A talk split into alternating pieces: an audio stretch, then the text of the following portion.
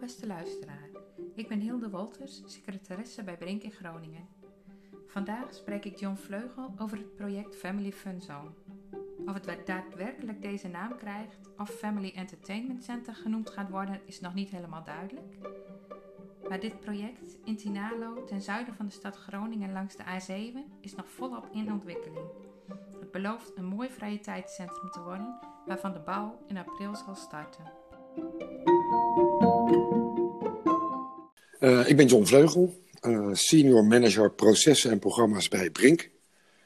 Uh, en na jaren gewerkt hebben vanuit onze kantoren in Rotterdam en Eindhoven, ben ik in 2014 verhuisd naar de provincie Groningen. En in november 2015 gestart met het opzetten van ons kantoor in Groningen Stad.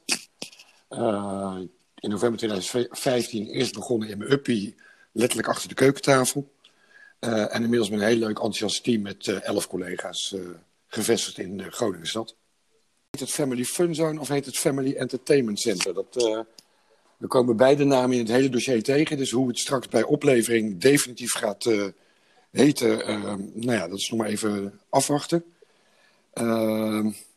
het is in ieder geval een, een deel in een gebiedsontwikkeling in de gemeente Tinarlo. Uh, ligt ten zuiden van Groningen stad. Uh, en er wordt een, uh, een, nieuw gebied ontwikkeld langs de A7 richting Drachten en Jouren. en in die gebiedsontwikkeling komt ruimte voor wonen, werken en recreëren. groot gebied, maar het is nu nog heel leeg.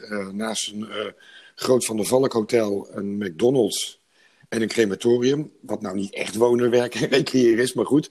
is het gebied eigenlijk nog helemaal leeg. Maar in april komt daar verandering in. Uh, want dan wordt gestart met de bouw van het uh, Family, Family Entertainment Center of Family Fun Zone, zoals je wil. Uh, wat is dat dan? Het wordt een, het wordt een vrije tijdscentrum. met een multifunctionele invulling, waaronder een bowlingbaan, glow, golf, ik had er nog nooit van gehoord, een klimcentrum en diverse horecavoorzieningen, waaronder het wereldrestaurant. En de invulling richt zich vooral op recreatie voor uh, gezinnen. Met uh, kinderen in de basisschool en middelbare schoolleeftijd. Um, het centrum telt straks twee verdiepingen. Um, en een totaal vloeroppervlak van 14.000 vierkante meter. Uh, het is een ontwerp van KPB-architecten uit Groningen. En het is een ontwikkeling en opdracht van 4D. dat heette voorheen Focus Urban Development uit Eindhoven. En dat is een uh, onafhankelijke projectontwikkelaar die al nou, ruim twintig jaar actief is in het ontwikkelen, herontwikkelen en realiseren van uh, woningen, winkels, uh, ontspanningscentra en hotels. Voor die had de intentie, en zo is het ook uiteindelijk gelopen, om tot en met het voorlopig ontwerp zelf als opdrachtgever het ontwerpteam aan te sturen en daarna het definitief ontwerp en het uitvoeringsontwerp en de uitvoering in één contract over te doen aan Gevenkebouw uit Eelde. Uh, en uh, Brink heeft uh, voor die in 2020, rond de zomer, geadviseerd over de meest passende contractvorm, uh, de aannemersovereenkomst en alle contractdocumenten. Dus we hebben het hele dossier wat toen voorhanden was, getoetst op compleetheid, inhoud en samenhang. En we hebben gezorgd dat het dossier compleet is gemaakt en consistent in elkaar zat met goede contractafspraken met Gevenkebouw. Ik las in de lokale media over uh, de plannen in Tinarlo om uh, dat entertainmentcentrum te gaan ontwikkelen. En uh, nou ja, ben gaan googlen naar de ontwikkelaar die genoemd werd in het artikel. En die had uh, voor die bleek in Eindhoven te zitten. Dus heb ik een aantal collega's in Eindhoven gevraagd of wij deze partij kennen. En na twee telefoontjes bleek niet alleen dat wij voor die kenden, maar ook een project voor ze begeleiden in Maastricht. Uh, dus dan heb ik collega Steven van der Wiel, die dat project begeleidde vanuit Brink, uh, gebeld. En die heeft voor mij contact gelegd. En na twee ritjes op en neer van Groningen naar Eindhoven mochten we starten met het, de ondersteuning van Voordier in die contractfase eigenlijk het grootste obstakel in dit project vond, is toch wel het scherp krijgen bij, uh, bij 4D in welke mate zij nog betrokken wilden zijn tijdens de uitvoering. En hoe ze de risico's wilden verdelen tussen opdrachtgever en opdrachtnemer. Uh, en daar de, de, juridisch meest passende voorwaarden bij. Dus uh, we hebben gesproken over UAV, die is voorbijgekomen. De UAV-GC is voorbijgekomen.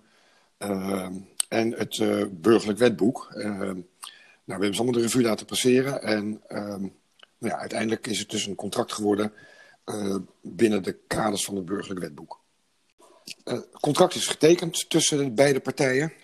het is dus een contract geworden, een overeenkomst tot aanneming van werk zoals bedoeld in artikel 757 van het burgerlijk wetboek. Samen met alle contractdocumenten, dus we hebben ervoor gezorgd dat er echt een complete en goede set contractdocumenten is uh, opgesteld. En dat is een heel goed vertrekpunt geworden voor de uitvoering van het contract. Uh, op dit moment ehm, hebben wij niet direct betrokkenheid. Ehm, ze zijn na het sluiten van het contract gestart met het definitief ontwerp en op dit moment verwacht ik dat het uitvoeringsontwerp op tafel ligt. En uh, per 1 april, of ergens in april zal het wel worden, uh, zal gestart gaan worden met de uitvoering. Nou, waar wij denk ik voor die enorm hebben kunnen helpen in dit traject, dat is onze actuele kennis van de markt, de aanbestedingswet en de voor- en nadelen van verschillende bouworganisatievormen. En daarnaast een gezonde dosis eigenwijsheid en vasthoudendheid. Omdat we zeker in het begin niet altijd op één lijn zaten met uh, 4D.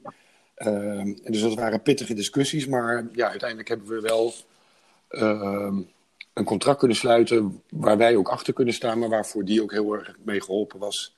Ehm, in, de, uh, in de rest van het uh, project. Um, 4D heeft te kennen gegeven dat uh, op het moment dat de uitvoering gaat starten en dat ze wel degelijk nog een zekere betrokkenheid willen vanuit hun, hun, rol. En dat betekent met name dat er een systeem van kwaliteitsborging opgezet moet worden en uitgevoerd. Uh, en als het goed is, gaan wij dat voor, voor die doen vanaf april dit jaar.